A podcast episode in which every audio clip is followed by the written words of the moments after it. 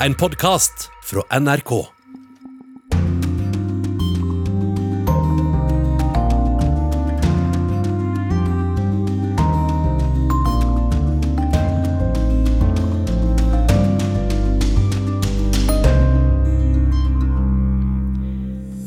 Kriminalitet, skyting på åpen gate og delte byer. Du har en side av byen som er helt nydelig. Det er vanskelig å slå det. Og så har du en annen side av bryen som er helt, helt grusom. Ja, slik eh, snakker også nordmenn som bor i dagens Sverige, dagen før valget som er i morgen. Charles den tredje er britenes nye konge, og nå lurer alle på hva slags konge han kommer til å bli. Energikrisen tømmer lommebøkene våre. I går møttes Europas energiministre, men klarer de å bli enige om noe som helst som hjelper på situasjonen?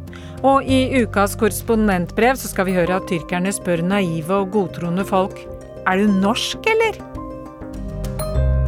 Vel møtt til Urix på lørdag. Jeg heter Marit Kolberg.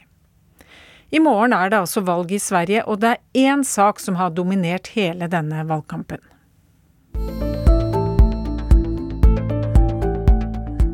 Hur tror ni att det känns att förlora ett barn på grund av att ni har misslyckats med att stoppa den här typen av kriminella personer? Av denne moren som mistet tolvåringen sin pga. gjengskyting, hun blir kanskje stående igjen som det mange kommer til å huske av denne valgkampen i Sverige, reporter Joakim Reigstad. Ja, Det var et uh, veldig sterkt uh, øyeblikk under uh, statsministerduellen mellom de to kandidatene da hun fortalte denne historien. Og hun fikk jo også veldig mange gode ord med på veien fra de to. Men problemet, kan man jo si, og det som har blitt notert i ettertid, det er jo at ingen av de egentlig har et sånn veldig godt svar på hva eh, hvilken resept de har, hvilken oppskrift har de for at ikke dette her skal skje igjen. De sier bare at det er fryktelig og det er grusomt at det skjer, men eh, hva er det egentlig de vil gjøre for å løse dette her? Er det langsiktighet i, eh, i eh, sosialtjenesten, i skolene, som Magdalene Andersson peker på, eller er det hardere straffer, som Ulf Kristersson bl.a. trekker fram? Det er i hvert fall slik at kriminalitet ikke bare her i statsministerduellen, men gjennom hele valgkampen har vært det altoverskyggende tema. Vi har mindre politi enn det vi hadde for fire år siden. Selv om at alle partiene, også de som har hatt regjering, har lovt mer politi, så har det blitt mindre i det det er dag enn for fire år siden. Hva gjør en nordmann som stemmesanker for Kristdemokraterna i Malmö? Du skal snart få svaret. Denne litt regntunge ettermiddagen i Sveriges tredje største by. Valgbodene står tett på Gustav Adolfs torg i byen. Som byggeklosser i forskjellige farger strødd utover den store plassen. Mellom fontenene, kebabrestauranten, kiosken og den lille parken. Det er noe idyllisk over det. Det er høytid for demokrati i vårt naboland. Selv om valgkampen har vært preget av én stor sak kriminalitet. Svenske tilstander er jo et uttrykk som, som, mange kjenner, eh, og da tenker man fort på Malmö. Eh, og det forstår jeg. Eh, jeg. jeg. tror at man skal ha to tanker samtidig. Malmö kan være veldig flott og veldig fint. Du har én side av byen som er helt nydelig. Det er vanskelig å slå det. Og så har du en annen side av byen som er helt, helt grusom. Jakob André Havnerås flyttet til Sverige som tiåring, og i voksen alder ville han endre Malmö. Han ville fjerne det muligens noe ufortjente stempelet som arnested for den svenske gjengkriminaliteten. Men på begge sider har politikerne stått med lovnader om bot og bedring i både overført og bokstavelig forstand. Sosialdemokraterne har måttet legge bort mye av valgkampsatsingen på skolepolitikk, eldreomsorg og velferd. Krim har dominert i Sverige. Kanskje ikke så rart når landet allerede har tangert den dystre rekorden i antall drap med skytevåpen på ett år, med 47. Vi behöver jobba väldigt mycket och vi ska fortsätta vara tuff. Vi kommer skärpa straffen, anställa fler poliser, det kan jag lova. Men vi måste också ha en politik för det förebyggande och här tycker jag att Moderaterna saknar det. De pratar bara om när det har hänt, när man har blivit kriminell. Vi måste se till att ingen blir kriminell. Forteller Tobias Baudin, partisekretær i Sosialdemokraterna. Men for mange ble all oppmerksomheten på kriminalitet litt i overkant. Også for Ulla, som NRK møter i Stockholm rett etter at hun har forhåndsstemt. Valget ble det beste av to onder. For det var Jeg ville ikke røste egentlig. For jeg syns det var kronglete Og jeg syns ikke om noe parti. Så det var eh, det beste av de verste? Ja, eksakt. Ja, så blir det. Men norske Jakob er overbevist om at partiet hans og de borgerlige har den beste oppskriften. Han ønsker regjeringsskifte. Det, det, det gjør jeg så inn i Ja, det gjør jeg. Det er ikke lov å banne i KD, kanskje? Nei, altså Det skal jo være litt fint, da. Men, eh, men nei, vi håper, håper virkelig på et regjeringsskifte.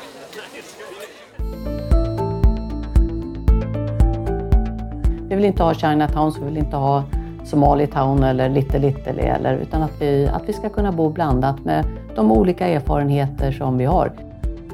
Ja, Somalitowns, ja. Dette var eh, sittende statsminister Magdalena Andersson som snakket om utenforskap. For hun ville ikke ha Chinatown eller Somalitowns, eh, sier hun her, om de som lever på siden av det svenske samfunnet. Og dette griper jo inn i kriminalitetsdebatten også, gjør det vel, Joakim?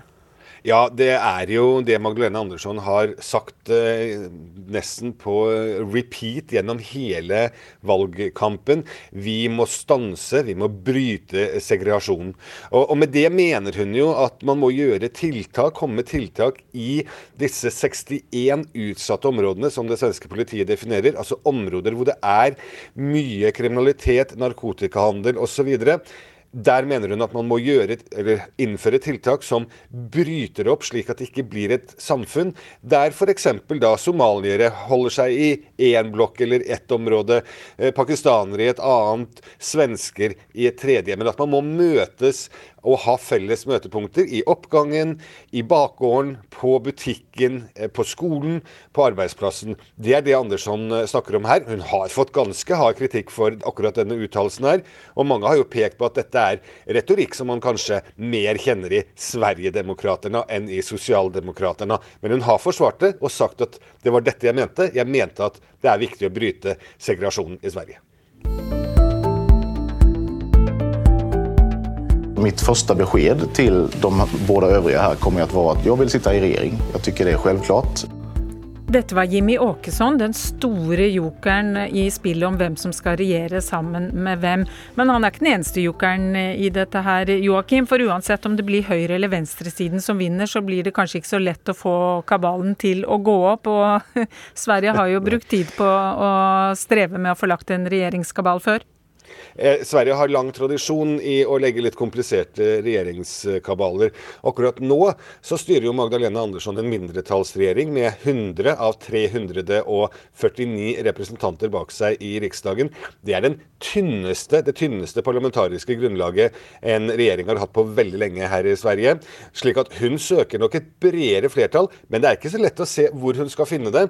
fordi på den ene siden har hun Venstrepartiet, som overhodet ikke vil samarbeide med Senterpartiet. Senterpartiet vil ikke samarbeide med Venstrepartiet. De tåler ikke ansiktet på hverandre. Men begge kan akseptere å slippe frem Magdalena Andersson som statsminister. Og det, det, vil si at hun trenger egentlig bare å balansere de to partiene, slik at de på mange måter ikke blir for sinte på hverandre. På høyresiden er det også et lite kaos. Jimmy Åkesson og Sverigedemokraterna kan fort bli det største partiet, og kanskje også større enn både Moderaterna og Kristdemokraterna. Og da vil han ha ganske sterke forhandlingskort inn i de regjeringsforhandlingene. Selv om Jimmy Åkesson gjerne vil sitte i regjering, sier han nå, så er det mange som peker på at han kanskje egentlig ikke vil det det, bare truer med det, at han vil bruke den eh, oppslutningen han får, til å presse en eventuell borgerlig regjering mer i sin retning politisk. Sa NRKs eh, Norden-korrespondent Joakim Reigstad, som altså følger valgkampen i Sverige. og Derfor blir det sending på NRK1 søndag kveld.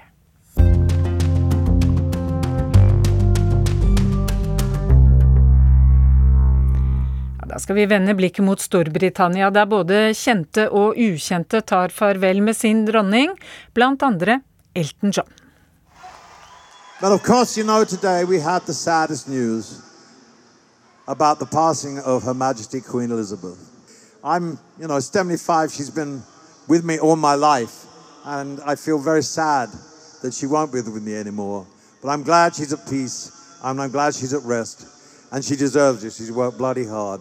I send my love to her family and her loved ones, and she will be missed. But her spirit lives on, and we celebrate her life tonight with music, okay?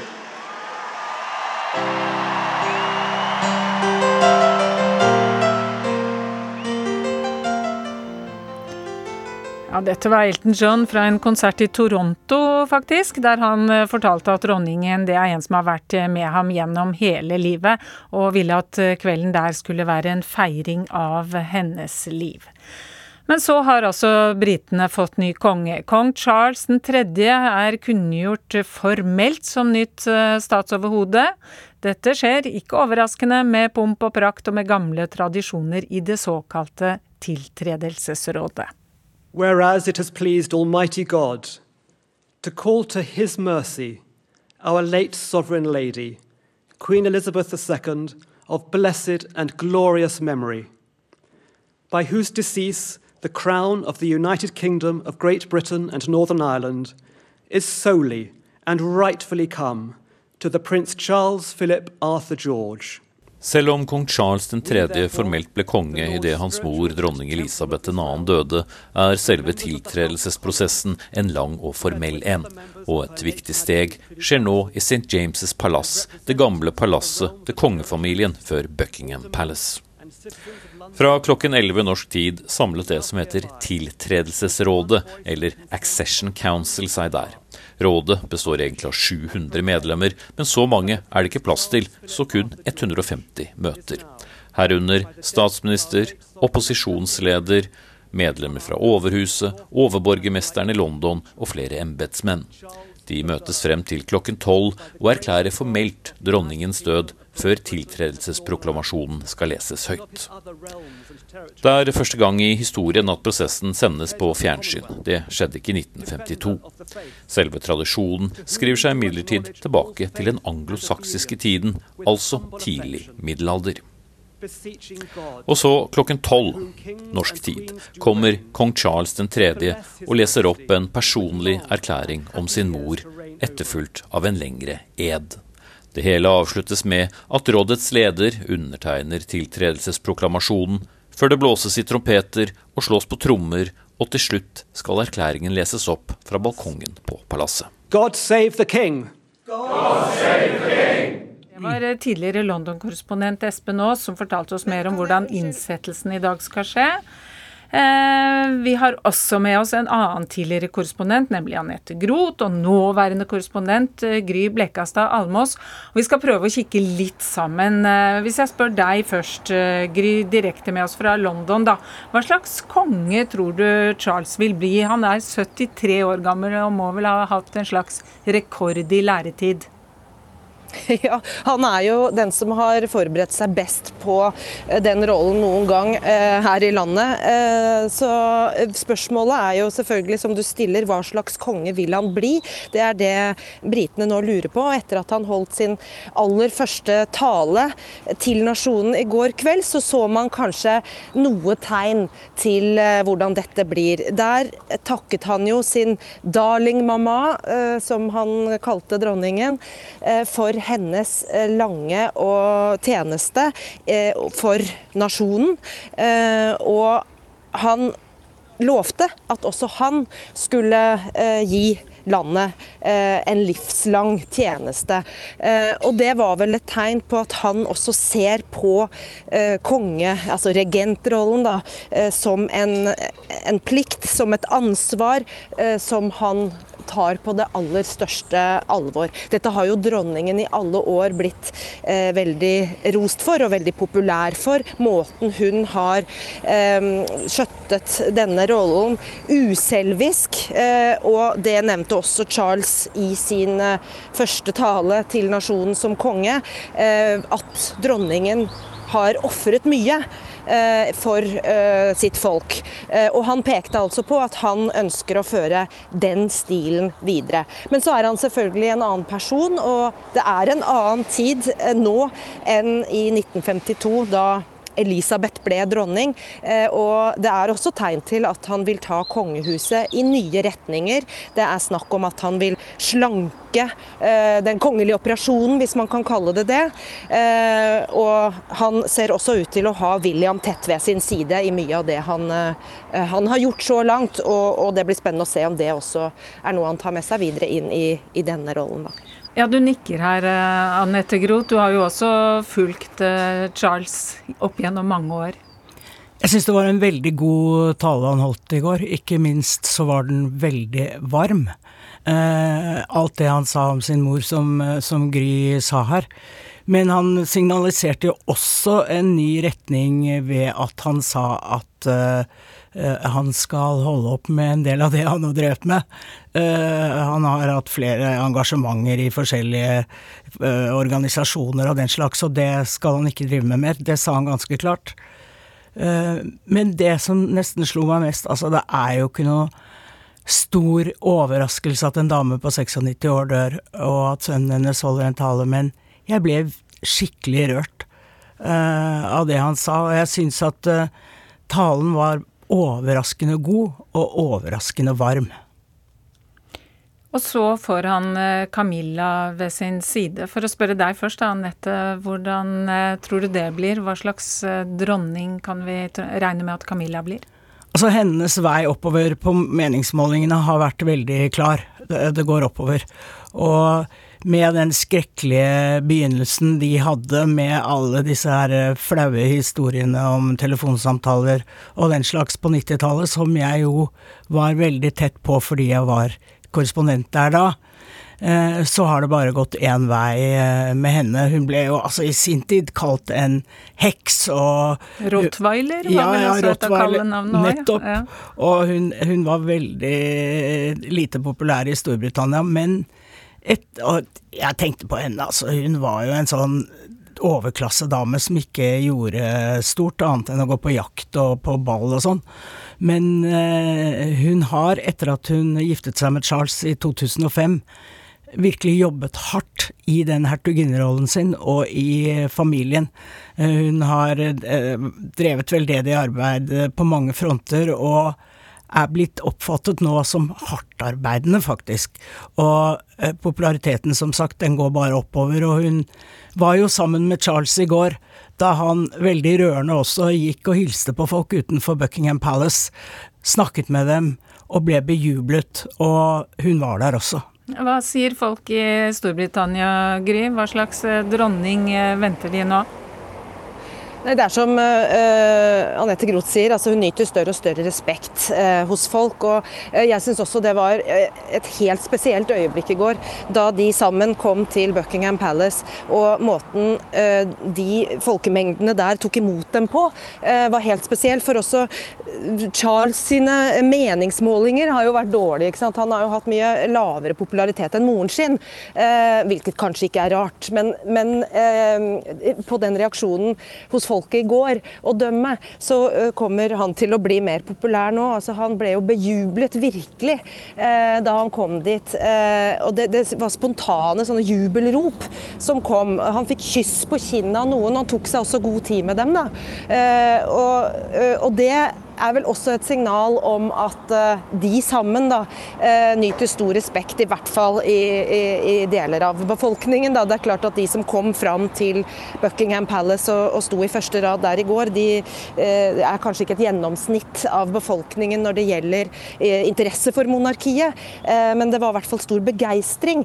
og hele stemningen rundt Slottet forandret seg da de kom dit. Ja, jeg leser jo f.eks. Eh, i kommentarfeltene til The Guardian i dag at eh, det er nok av de som er kritiske til alt dette som skjer rundt nå, og denne voldsomme markeringen som skal gå over dagevis. Og det som også skal bli spennende å se dere, det er jo hva som skjer med samveldestatene nå. Barbados har forlatt dem allerede. Og så har du Canada, New Zealand og Australia f.eks., som har sagt at de vil vurdere styreformen eh, og tilknytning til Storbritannia den dagen eh, dronningen dør. Hva tenker du om det, Anette Groth? Jo, hun har jo i veldig stor grad vært en samlende faktor i samveldet. ja, dronningen. Ja. ja. dronningen. Og jeg tror jeg har sagt det før, at uh, det vil nok skje ting med samveldet når dronning Elisabeth er borte. Og det tror jeg også. Men å spå hvem som går ut og hvem som ikke vil være med lenger, er vanskelig. Men at det blir som det har vært under dronning Elisabeth, det tror jeg ikke. Hva sier du, Gry? Reaksjonene eller diskusjonene om disse tingene har jo allerede begynt i noen av disse landene som du, som du nevner. Så uh, det er klart at den diskusjonen kommer til å, å, tilta. Det er nye tider for det britiske monarkiet, og det er helt naturlig at det nå kommer på bordet i, i enda større grad enn, enn det allerede har, uh, har, vært. Det er jo også kritikk selvfølgelig knyttet til hvordan uh, prins Charles har tidligere da vært veldig sånn aktivistisk og politisk i sin rolle som kronprins og, og prins av Wales. Og eh, også mye kritikk knyttet til eh, pengegaver. Eh, han, eh, både personlig, men også hans eh, stiftelser osv. har mottatt fra regimer rundt i verden som, som, er litt suspekte på et vis. Så den kritikken ligger jo der i bånn fremdeles. Og det er mange som er skeptiske til den bakgrunnen den nye britiske monarken har. Men i dag er det altså hans innsettelsesdag, hvor han offisielt blir eh, britenes eh, nye konge. Og så blir det mange anledninger til å snakke om disse tingene senere også. Tusen takk skal dere ha, Gry Blekastad Almås direkte med oss fra London, og Anette Groth her i studio.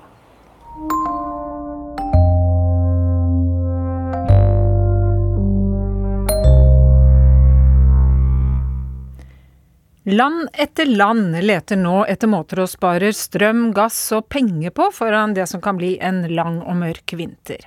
Russlands innstramminger i gasseksporten og tørke og liten kraftproduksjon gjør at flere land nå ser etter nye måter å spare energi på. Det er mørkt i gatene i Cicéré. Frem til solen står opp, er det nå bare månen og stjernene som lyser i høstnettene. Minuit extinction. La commune va quasiment se retrouver entièrement dans le noir. Ved midnatt skrur vi av gatelysene for å spare penger. Det forklarer ordføreren i den lille byen nordøst i Frankrike. I Hellas gir innenriksministeren beskjed om at ingen offentlige bygninger skal ha lys på etter midnatt. Og han ber ansatte huske på å skru av lyset etter seg. I Tyskland og Danmark skal temperaturene senkes til 19 grader, både i klasserom og kontorer. Jeg tror ikke det er noe man kommer til å merke. Én grad. Overalt i Europa diskuteres sparetiltak. Selv lys i julegatene er blitt et tema. Det, det vil være synd at det er det vi skal spare.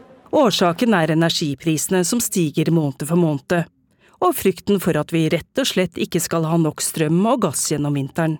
Uh, Den amerikanske statssekretæren med ansvar for europeiske sikkerhetsspørsmål er ikke i tvil om hvem som bærer ansvaret for det som nå ser ut til å bli en kald og mørk vinter i Europa.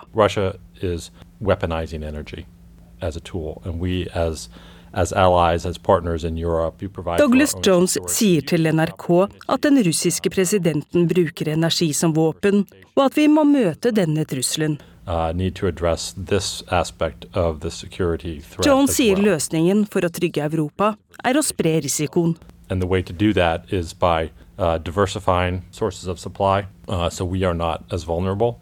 Og han er glad for at Norge tar sin del ved å øke gasseksporten. Norway's doing its part um, in great way. It's uh, as the second largest you know, gas exporter to, to Europe, increasing gas production by 10% uh, this year. That's been a huge uh, contribution to uh, European security. Den erfarne diplomaten mener det likevel er en stripe av lys i det kommende vintermørket. If in crisis there is opportunity, there is opportunity in this crisis uh, to uh, move forward in, in, in, a big leap on the, on the green transition. Reporter her var Laila Bakken, og denne krisen har jo da tydelig vist at noe må gjøres. I går satt EUs energiministre sammen i et møte i Brussel for å prøve å bli enige om tiltak. Og vi kan jo høre en strålende fornøyd svensk statsminister etter møtet, som sa at hun kom med en fantastisk beskjed. Jeg har et fantastiskt beskjed å gi. Jag och regeringen har ju tillsammans med andra kämpat hårt för att vi ska kunna få ner elpriserna i Europa. Och idag så fick vi ett genombrott i förhandlingarna. och kommer kunna nu ta ett stort steg i den riktningen eh, som kan innebära att vi får ner elpriserna i hela Europa. Ja, dette møtet mellom ministrene det fulgte du også, Alf Ole Ask, korrespondent i Brussel for Norsk Klimastiftelses avis Energi og miljø. Var de andre som deltok på dette møtet like fornøyd som den svenske statsministeren? Nei, det, de var ikke det. Men så har de ikke valg i morgen heller. Eh, så jeg tror nok du må se dette utspillet som et eh, ledd i den svenske valgkampen, ja. Kom de fram til noe konkret på dette møtet? Ja og nei. Eh, det de gjorde, var at ministrene ga noen veldig klare politiske signaler og ba kommisjonen om å komme tilbake med, med eh, forslag. Det har for så vidt eh, ministre og toppmøter i EU også gjort eh, tidligere, men nå er det mer alvor. Eh, og de eh, tingene som de da har bedt om at de skal komme tilbake på, er bl.a. Eh, å innføre et pristak på gass, og også å gjøre noe med denne superprofitten til disse energiselskapene, og komme opp med en spareplan, slik at man får ned forbruket på den tiden av døgnet hvor, hvor, man bruker mye elektrisitet. Det betyr på morgenen og på ettermiddagen når man skrur på komfyrer og sånt. Ja, hvilke av disse forslagene tror du er de mest aktuelle å få gjennomført? Ja, Det som har fått mest oppmerksomhet, er jo dette med, med pristak på gass. og Det er meget meget vanskelig. fordi dersom man hører generelt pristak, som noen, eh, ganske mange snakker om, så eh, er advarselen fra kommisjonen, og kommisjonen er ikke spesielt glad i det forslaget, eh, det er at eh, man da risikerer at EU eh, e ikke får kjøpt eh, flytende nedkjørt gass, det som kalles LNG, og som kommer på skip fra USA og Midtøsten. Eh, og det vil da gå utover forsyningssikkerheten og kan føre til at man rett og slett får for lite gass til vinteren. Skulle man sette pristak bare på rørgass, altså det som kommer i rør, vil noen hevde at det er nærmest å straffe en god alliert som er Norge. Og så er det noen som mener at man da skal innføre pristak på den russiske gassen for å hindre at Putin tjener så mye penger. Det høres i utgangspunktet som en veldig god idé, men så er det noen land helt øst i EU som får mesteparten av sin gass derfra. Og hvis man setter pristak på den gassen, så stopper Putin den eh, tilførselen. Så dette er et, eh, et tiltak med, med, med mange mange sider. Det jeg tror kanskje som er det mest nærliggende, er at man forsøker å gjøre noe med superprofitten til energiselskapene. Eh, og omdistribuerer dette til forbrukere og næringsliv. Og så kommer det helt opplagt en, en, spareplan som ligner litt på den de vedtok når det gjaldt gass i, i uh, juli. Men alle detaljer og hvordan det ser ut, det får vi først vite neste uke. Det er mye som kan gå gærent her, eh, hører jeg. Det er mye vanskelig å bli enige om. Hva er gangen videre da? Når kan man regne med å få eh, noen vedtak på bordet? Ja, det er, det er, jo alltid vanskelig å si når det gjelder EU. Men, men slik det ser ut nå, og slik timeplanen er lagt opp, så skal altså kommisjonen behandle dette på tirsdag. Og så skal Ursula von der Leyen, kommisjonspresident, holde sin årstale i eh, Europaparlamentet i Strasbourg på onsdag. Og da skal hun legge fram eh, mye av disse detaljene.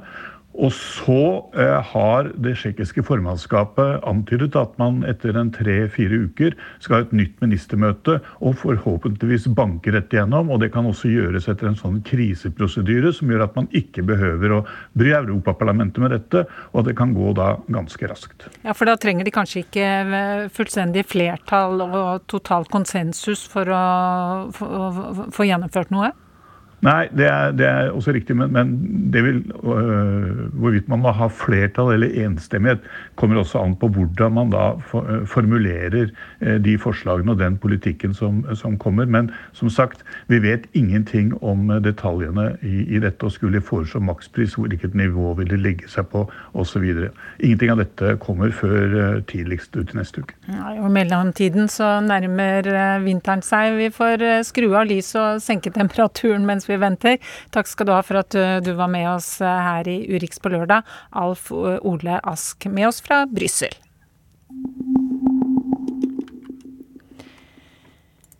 Vi vender blikket østover, for ukrainske myndigheter har hatt den største framgangen så langt under den nå seks måneder lange krigen. Mer enn seks måneder har dette vart. President Volodymyr Zelenskyj snakker om at 30 landsbyer er frigjort de siste dagene, og i dag har denne offensiven fortsatt. Morten Jentoft, direkte med oss fra Ukraina nå, hva er det siste du kan fortelle om disse angrepene? Ja, Ukrainske myndigheter melder nå like før uh, Urix på lørdag gikk på luften, at man har tatt kontroll også over den strategisk viktige byen Kopjansk i uh, Kharkiv fylke. dette vil nok være den aller viktigste byen som de ukrainske styrkene har tatt så langt. Denne offensiven har jo gått fram med lynrask fart. Det meldes også om at ukrainske styrker er inne i en annen strategisk viktig by øst i Ukraina Ukraina, i, Sjum. Eh, stemmer det, så vil det også eh, sette de russiske styrkene i dette området i en svært, svært vanskelig situasjon. Sånn at eh, det er ingen tvil om at denne ukrainske offensiven nordøst i landet, den har tatt de russiske styrkene på sengen. Og de flykter nå unna. Og mange skal også ha overgitt seg, eller de er omringet av de ukrainske styrkene. Det er i alle fall sånn som jeg leser situasjonen situasjonen nå her lørdag formiddag. Ja, hvordan er Ukraina ellers da klart å få til eh, denne store framgangen, bortsett fra at de møter lite motstand, høres det ut som? Det som eh, man snakker om her, det er det at eh, gjennom å sette først i gang en offensiv eh, her sør eh, i landet, i Kherson-området, her hvor jeg befinner meg, jeg befinner meg i Zaporizjzja, ikke så langt ifra Kherson, eh, så har man trukket russiske styrker, eliteavdelinger, til det området. Vekk ifra nettopp eh, områdene i nordøst. Og dermed så har ukrainerne kunnet gå så raskt fram som de har gjort. Nå sender jo selvfølgelig Russland inn forsterkninger til, til, dette området her. Men klarer Ukraina å holde noen av disse byene som de allerede nå holder, så vil jo det være en, en stor, stor seier for dem. Og dette har jo skapt en enorm optimisme i Ukraina, ikke minst blant alle de som har måttet flykte fra de russisk okkuperte områdene, og de som fremdeles da eh, bor i, i, disse områdene, men som ønsker seg tilbake til eh, ukrainsk styre. Hva har Russland å svare med nå, da? Ja, Det eh, får vi jo se. I går så sendte jo det russiske forsvaret ut bilder av nettopp eh, eh, stridsvogner, pansrede kjøretøyer, som var på vei da mot fronten i, i Kharkiv fylke. Så vi får jo se hva de har å svare med der oppe. Foreløpig så har de lite å svare med på bakken, ser det ut som, i, i dette området her. Men vi vet jo at, at Russland har store reserver, de også. Men vi vet ikke hvor mye de har nå eh, omdisponert til den østlige og sørlige delen av landet. Eh, det får bare tiden vise. Men det som skjer eh, akkurat nå, er jo en ganske sensasjonell utvikling av, eh, av den militære konflikten her i Ukraina. Og så må jeg kort spørre deg om atomkraftverket i Zaporizjzja, Morten Jentoft. Hva er siste nytt eh, derfra nå? Vi har jo et øye dit hele tiden. Ja, det bør man jo absolutt ha, og ikke minst eh, Det internasjonale atomenergibyrået IAEA e sendte jo i går ettermiddag ut en ny bekymringsmelding for situasjonen der. Jeg snakket også i går ettermiddag igjen med ordføreren i NRH, NRH, som er eh, byen der mm, de fleste som jobber på atomkraftverket bor. Og Dmitrij Orlov han holder tett kontakt da med byen, selv om han har flyttet kontoret sitt hit til Zaporizjzja by. Eh, han sier det at eh, fremdeles så er innbyggerne der omtrent uten strøm. De hadde ti minutter med strøm i går. Og strømforsyningen, den eksterne strømforsyningen til atomkraftverket, den er jo brutt. Og det gjør jo at situasjonen der er svært vanskelig. Riktignok så produserer de jo noe strøm selv også til å holde de to reaktorene som, eh, som fremdeles er i drift, i gang der. Men, men, men skytingen fortsetter i, i, i, dette området, og situasjonen er svært, svært vanskelig. Blant annet så skal det også ha falt ned eh, sprenglegemer på, på, på, det huset hvor disse to inspektørene som fremdeles er der fra IAEA, bor. Takk skal du ha, Morten Jentoft, som følger situasjonen i Ukraina for oss fra, på bakken. Det er flere som eh, følger med på det som skjer i Ukraina. Så å si hver dag så tar et avansert overvåkingsfly av fra en flybase i Tyskland. Oppdraget er å overvåke Natos østlige grense, og de gjør det ved å bruke radar for å se flere hundre kilometer inn i Ukraina. Vår reporter Anja Strøen var med på en av disse flyturene. Det er like før avgang. I cockpiten til et gammelt Boeing 707 gjør tre piloter og en teknisk ingeniør seg klar med NRK på slep. Kontrasten fra flyets slitne skall til hypermoderne glasskjermer er stor. Mannskapets militærgrønne hele dresser med Luftforsvarets emblemer, flagg fra ulike nasjoner og stjerner på skuldrene avslører også at det ikke er en hvilken som helst avgang.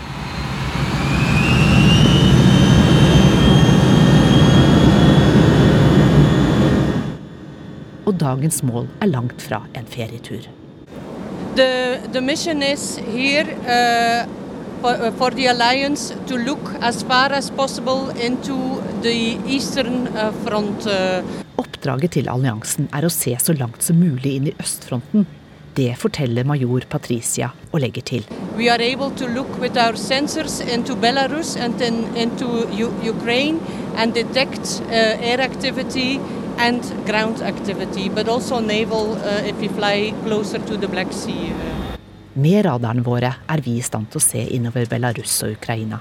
Vi kan oppdage aktivitet både i luften, på bakken og til sjøs hvis vi flyr nærmere Svartehavet. Det forteller Patricia. Hun er en av de to øverste lederne om bord i dette overvåkningsflyet fra Nato. Også kjent under forkortelsen AVAX. Airborne Warning and Control System. Nato har 14 slike fly, og har du sett et, så glemmer du det ikke. På taket troner noe som ser ut som en enorm grå og hvit sopp. Det er en radar på over ni meter i diameteren, og den kan snurre rundt 360 grader hvert tiende sekund. I tillegg kommer spesialradarene på sidene. Flyet er en, en, flyvende sensor hvor vi har en radar på toppen som vi bruker for å finne og identifisere flyvende objekter. Eh, og Vi som jobber om bord i flyet her er delt inn i forskjellige seksjoner for å bruke den radaren eh, best mulig. Vi har egne mennesker som jobber med å, å bruke sensoren. Og så har vi egne folk som jobber med å kontrollere våre egne fly, hvis vi ønsker å bruke de i oppdraget vårt. Det forteller Anders. Han har tre stjerner på skulderklaffen, og akkurat som sin øverste sjef Patricia kan han ikke oppgi etternavn. Men svare på spørsmål fra NRK, det kan han. Hva er din jobb? Jeg sitter eh, på den raden der borte. Og min jobb er å være en, eh, en slags militær flyveleder, hvor vi kommuniserer med våre egne jagerfly for å løse oppdraget vårt. Og oppdraget til overvåkningsflyet i dag er å fly fra Nato-basen i Geilenkirchen i Tyskland til Polen. Her jobber flyet i store sirkler langs den østlige delen av den polske grensen. Med det kraftige radarutstyret kan de se 400 km inn mot Belarus og krigsherjede Ukraina. Avax-flyene har vært aktive i lufta i disse områdene siden Russland annekterte Krim i 2014. Etter 24.2 og Russlands invasjon av Ukraina er innsatsen blitt mer intens. Flyet fungerer som en militær kommandosentral ti km opp i luften. De ansatte sitter tett i tett bak lysende skjermer som er full av streker og prikker. NRK får bevege seg og filme og snakke med folk så snart skjermene er renset for hemmelig informasjon. Hva er det som skjer på skjermene her nå? Så De skjermene som vi ser her, det viser eh, en forenkling av det radaren ser. Så Radarinformasjonen blir prosessert ned, og så blir det framstilt på en eh, skjerm, slik at vi kan, vi kan se hva radaren ser. Og Ut ifra det så, så, bruker vi da den radarinformasjonen for å dirigere egne jagerflyressurser, for å lokalisere og finne potensielle fly. Selv om disse flyene kalles Natos øyne på himmelen, så er det ikke så lett å se ut. Her finnes knapt vinduer, men alt de skal se, det ser man på skjermen. Og plutselig, mens jeg står midt i flyet foran ledelsens skjermer, får jeg et signal som ikke kan misforstås av Patricias sjefspartner. Han ser tydelig på meg, fører hånden raskt over halsen og ber meg kutte. Radaren har fanget opp signaler fra et fiendtlig fly. Fotografen og jeg må umiddelbart stoppe opptak og komme oss bakerst i flyet.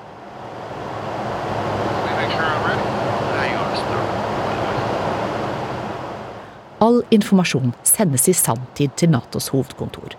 slik at de kan analysere krigsfaren. Overvåkningen vil ikke stoppe russernes framferd i Ukraina, men er likevel viktig, mener Patricia. I don't think that will scare off the, the Russians, but we want to show we are ready to protect our borders. Uh, we are ready to defend our allies. Uh. Snart sju måneder inn i Ukraina-krigen er det bare enda mer å gjøre. Now we see a little bit more activity back from Belarus into the Ukraine, so more to the north. Uh, that's why we focus today on that part of the uh, area. Vi ser nå mer aktivitet fra Belarus inn i Ukraina i nord. Derfor fokuserer vi på det området nå, forteller Patricia. Natos overvåkningsfly er i lufta nesten hver dag. Og etter sju måneder med krig i Ukraina har konsekvensene av hva de oppdager på radaren av fiendtlige fly og styrker, begynt å synke inn for norske Anders. Ja, det, gjør, eh, det gjør inntrykk. Eh, og det blir eh, på en måte litt nærmere fordi vi har kanskje opplevd det på våre egne skjermer først. Og så drar vi hjem igjen og får se det på, på nyhetene med en annen form for framvisning. her blir det jo bare figurer og symboler på en skjerm. Og når vi kommer hjem, så får vi se de faktiske TV-bildene kanskje ifra, ifra, det vi har observert. Så det, det gir inntrykk. Elleve timer etter at flyet tok av, går de igjen inn for landing i Tyskland. Hva de så langt inne i Ukraina i dag, er hemmelig. Det eneste som er sikkert, er at mannskapet snart er på vingene igjen. I Søndagsrevyen i morgen kan du se reportasjen fra denne flyturen.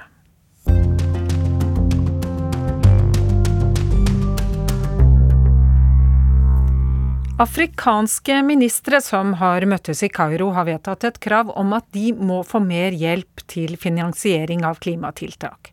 For i Afrika er det satt i gang store planer for hvordan afrikanske land skal møte utfordringer som mer tørke eller mer nedbør. Nå ber verdensdelens politikere om drahjelp fra vestlige land, og sier det er de som har stått bak de største klimautslippene. Dette er ganske fersk lyd fra Øst-Darfur. Store mengder vann preger denne sudanske regionen, som ligger langs grensa til Tsjad. Darfur er nok mer kjent for å være tørt enn vått, men i det siste har store mengder regn falt ned på jord som ikke klarer å suge opp vannet. Regnet blir raskt omdanna til elver og innsjøer. Flere hundre tusen har flykta, og både dyr og avlinger står i fare.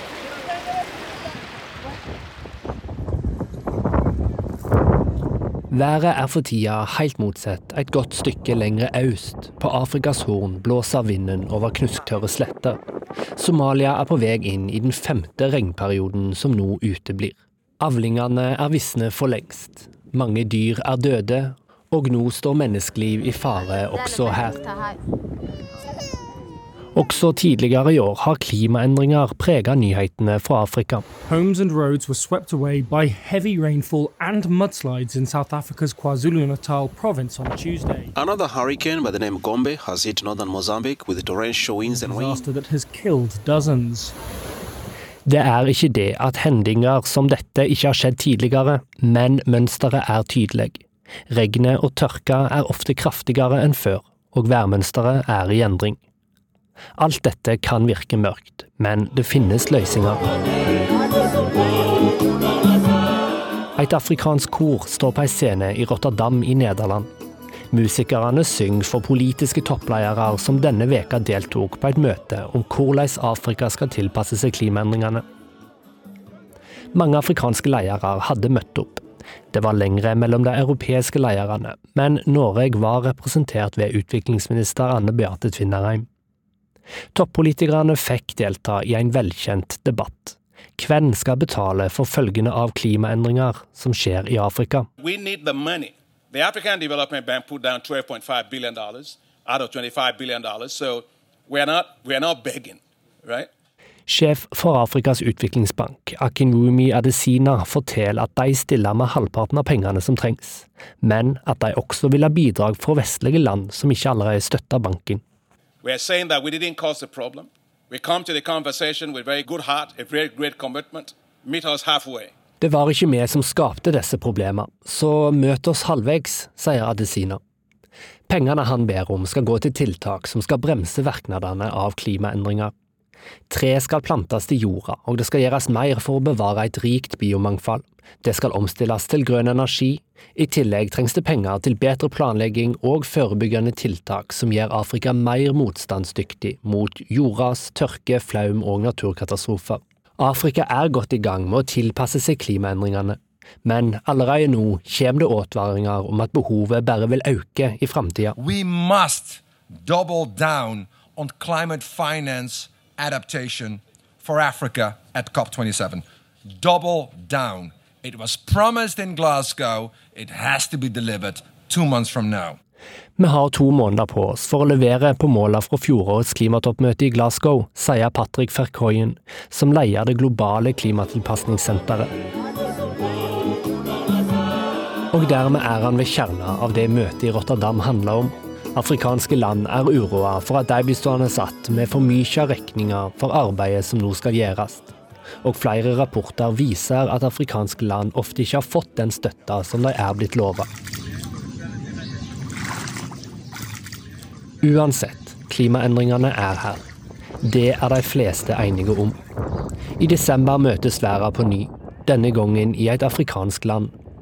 Klimatoppmøtet i Egypt er et nytt skritt på veien mot å finne løsningene som kan motverke flaum, tørke, jordskred og visne avlinger. Reporter her var Vegard Kjørom. Vi skal tilbake til London, der kong Charles nå har holdt en liten tale. My lords, ladies and gentlemen, it is my most sorrowful duty to announce to you the death of my beloved mother, the Queen. I know how deeply you, the entire nation, and I think I may say the whole world, sympathize with me in the irreparable loss we've all suffered. It is the greatest consolation to me to know of the sympathy expressed by so many to my sister and brothers, and that such overwhelming affection and support Dette er, så, er altså fra starten av andre del av tiltredningsseremonien, der kong Charles annonserte morens bortgang og kalte det et tap som ikke lar seg reparere. Min mor ga oss et eksempel på livslang kjærlighet og sjenerøse tjenester, sa han. Henne, hun var helt unik, jobben hun gjorde og dedikasjonen og hengivenheten. Kongen sa også at han var dypt klar over pliktene og ansvaret som hører til denne nye rollen han går inn i nå, og ga det samme løftet som moren hans gjorde for 70 år siden, nemlig at han vil tjene folket livet ut. Når jeg tar på meg dette ansvaret, så skal jeg strekke meg etter å følge det inspirerende eksempelet hun har sagt, sa kong Charles, og ber om rettledning og hjelp fra Gud den allmektige. I take this opportunity to confirm my willingness and intention to continue the tradition of surrendering the hereditary revenues, including the Crown Estate, to my government for the benefit of all, in return for the sovereign grant, which supports my official duties as head of state and head of nation. And in carrying out the heavy task that has been laid upon me, and to which I now dedicate what remains to me of my life, I pray for the guidance and help of Almighty God. Og etter denne talen så signerte kong Charles teksten, som altså inneholdt dette løftet, og blant vitnene som fulgte med på dette, var prins William, blant andre. Da har vi kommet fram til ukas korrespondentbrev her i Urix på lørdag. Bor du i Norge, eller, spør tyrkerne, og hvorfor de spør om akkurat det? Det får vi vite i dette brevet som er sendt oss fra Simen Ekern. For noen måneder siden lærte jeg et fint, fast uttrykk av en tyrkisk kollega. Når man i Tyrkia møter noen som virker spesielt naiv og godtroende, en som konstant har lave skuldre pga. optimisme og en grunnleggende tillit til systemet, har tyrkere svaret klart. Norvetsdemi Jagiorsun. Jeg sliter litt med uttalen her, men meningsinnholdet er umiddelbart forståelig. Bor du i Norge, eller? Man kan høre det etter et innlegg i parlamentet der en politiker har klaget over økende korrupsjon eller polarisering i samfunnet. Hva tror du egentlig? At alt virker, at alt er på stell og alle er på dugnad? Bor du i Norge, eller? Det ligger jo en slags hyggelig anerkjennelse av at ting fungerer i Norge her. Samtidig inkluderer uttrykket kanskje også en skummel advarsel til de av oss som faktisk kommer fra Norge. Resten av verden gjør ikke det. Da gjelder det sikkert å passe på. Jeg skal komme litt tilbake til dette, men først må vi en tur innom Spania. Det var en temmelig varm junikveld i Madrid. På kongens slott var alt klart. Alle Nato-landenes stats- og regjeringssjefer var invitert på middag allerede litt før åtte, kvelden før det store Nato-toppmøtet skulle begynne. Menyen var fristende. Gazpacho, kjølig tomatsuppe, det er jo alltid godt når det er varmt. Marinerte sardiner med en saus av paprika, tomat og mandler, osv. Det var 13 forretter pluss hovedrett og dessert, kokosskum med mynte, så jeg skal ikke gå gjennom alt. Jeg var jo ikke der engang. Men, og det er nok viktigere sett i historiens lys, det var heller ikke Jens Stoltenberg, Berdoan, Magdalena Andersson eller Sauli Ninistø. Det er bra at Stoltenberg ikke er her, skal kveldens vert, Spanias konge, ha sagt på middagen. Det betyr at han jobber. Og det betydde det. Memorandumet som ble underskrevet den kvelden, fjernet tilsynelatende de siste hindrene som lå i veien for svensk og finsk Nato-medlemskap. Tyrkias president hadde blokkert medlemskapet siden mai, da han hadde gjort det klart at han mente Sverige og Finland er som gjestehus for terrorister. Etter uker med nervøsitet og forhandlinger på flere diplomatiske nivåer var en avtale nå i boks, raskere enn de fleste hadde sett for seg. Et diplomatisk kunstverk, mente en svensk ekspert dagen etter. Utfordringen var bare at dette diplomatiske kunstverket, på linje med andre kunstverk, var åpent for veldig forskjellige tolkninger. Avtaleteksten var presist balansert og varsomt formulert, men den var ikke veldig detaljert når den beskrev hva Sverige og Finland egentlig hadde forpliktet seg til angående hensynet til Tyrkias sikkerhetsutfordringer. Men det så ut som en suksess, og alle sa det var en suksess, og det ga hele toppmøtet et ekstra historisk sus. Der Vladimir Putin har forsøkt å splitte, har samholdet i Nato vært en gjenganger i talepunktene på alle Nato-møter i år. Og da statslederne holdt sine avsluttende pressekonferanser på toppmøtets siste dag, var det budskapet både fra Macron, Biden, Sanchez og generalsekretær Stoltenberg. Men så var det dagens siste taler, da. En pressekonferanse med Erdogan er annerledes enn ideen mange har om en autokrats møte med journalister. Man kunne kanskje tenke seg at han bare svarer på forhåndsgodkjente spørsmål, f.eks., eller at det bare er utvalgte, vennlig innstilte reportere som får mikrofonen. I stedet kan det se ut som han bruker slike sjeldne seanser foran internasjonale journalister til å gjøre det helt motsatte. For mediekontroll kan utøves mye mer subtilt, slik Erdogan er temmelig god på i sitt hjemland. En åpen internasjonal pressekonferanse kan være en praktisk måte å signalisere at man naturligvis ikke er redd for noen spørsmål. Slik framstår en Erdogan-konferanse i utlandet paradoksalt nok mindre regissert enn en tilsvarende seanse med Joe Biden eller Emmanuel Macron, der ivrige rådgivere filtrerer og ordner med temaer og rekkefølger og utvalgte journalister på en helt annen måte. Likevel var det selvsagt ingenting improvisert over Erdogans budskap denne ettermiddagen. Han visste at han snakket sist av alle, og han visste det ville bli lagt merke til når han nå plutselig sådde tvil om hele avtalen, som nettopp var feiret av alle de andre Nato-landenes ledere. Først hørtes han mildt truende ut. Hvis Sverige og Finland ikke gjør som de har lovet, blir disse landenes Nato-medlemskap aldri tatt opp til ratifisering i det tyrkiske parlamentet, sa han. Og hva var det de hadde lovet? Å utvise 73 terrorister, slo Erdogan fast. Jeg kikket spørrende bort på kolleger som satt ved siden av meg. Det sto da ikke noe slikt tall i avtalen? Det har de lovet underveis i forhandlingene, forsikret Erdogan. Det står kanskje ikke i avtalen, men den virkelige avtalen er slik, forsto vi. Det var et temmelig interessant øyeblikk. Jeg var nesten litt imponert. For en måte å stjele showet på. Da jeg gikk ut av den store konferansesalen rett etterpå, kom jeg tilfeldigvis samtidig med Erdogan og alle hans sikkerhetsvakter. De passerte rett forbi meg, før Erdogan ble geleidet inn i en ventende svart bil.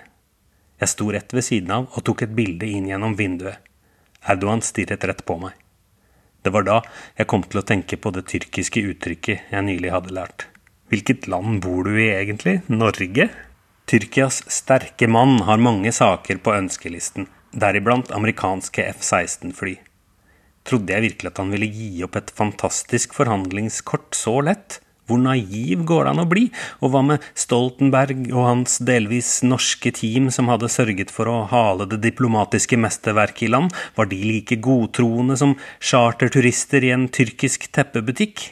Vel, selv om jeg altså liker uttrykket som antyder at Norge er et litt spesielt blåøyd land, er det sjelden en god idé å tro at munnhell definerer en nasjons sanne karakter. For det første var det selvsagt ikke noe nytt for Stoltenbergs forhandlingsteam at avtaler med Erdogan kan være skjøre. For det andre fins det nok av eksempler på at norsk petroleumskapitalisme er kynisk nok til å være helt på høyden med det beste fra utlandet. Kanskje er det ikke så lett som at noen er naive og noen er sleipe. Kompromisser er vanskelig, og det beste ville vel vært om man kunne lage avtaler utelukkende med folk som er helt like som en selv, men i siste instans vil en organisasjon basert på den modellen bli en ganske ensom affære. Erdogan fikk et slags siste ord på Nato-toppmøtet, men siste ord om Sverige og Finlands Nato-medlemskap er ikke sagt. Tyrkias parlament har fortsatt sommerferie og kan ikke ratifisere Nato-søknadene til Sverige og Finland før pausen er over i oktober. Men skal man tippe, er det slett ikke sikkert at det skjer noe særlig før til neste sommer når det skal avholdes valg i Tyrkia.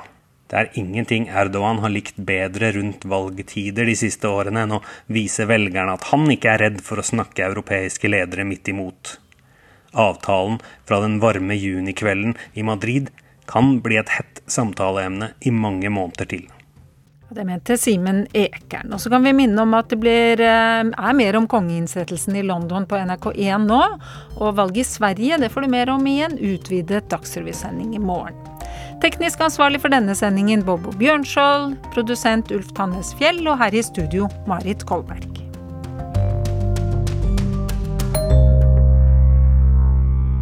Du har hørt en podkast fra NRK. Hør flere podkaster og din favorittkanal i appen NRK Radio.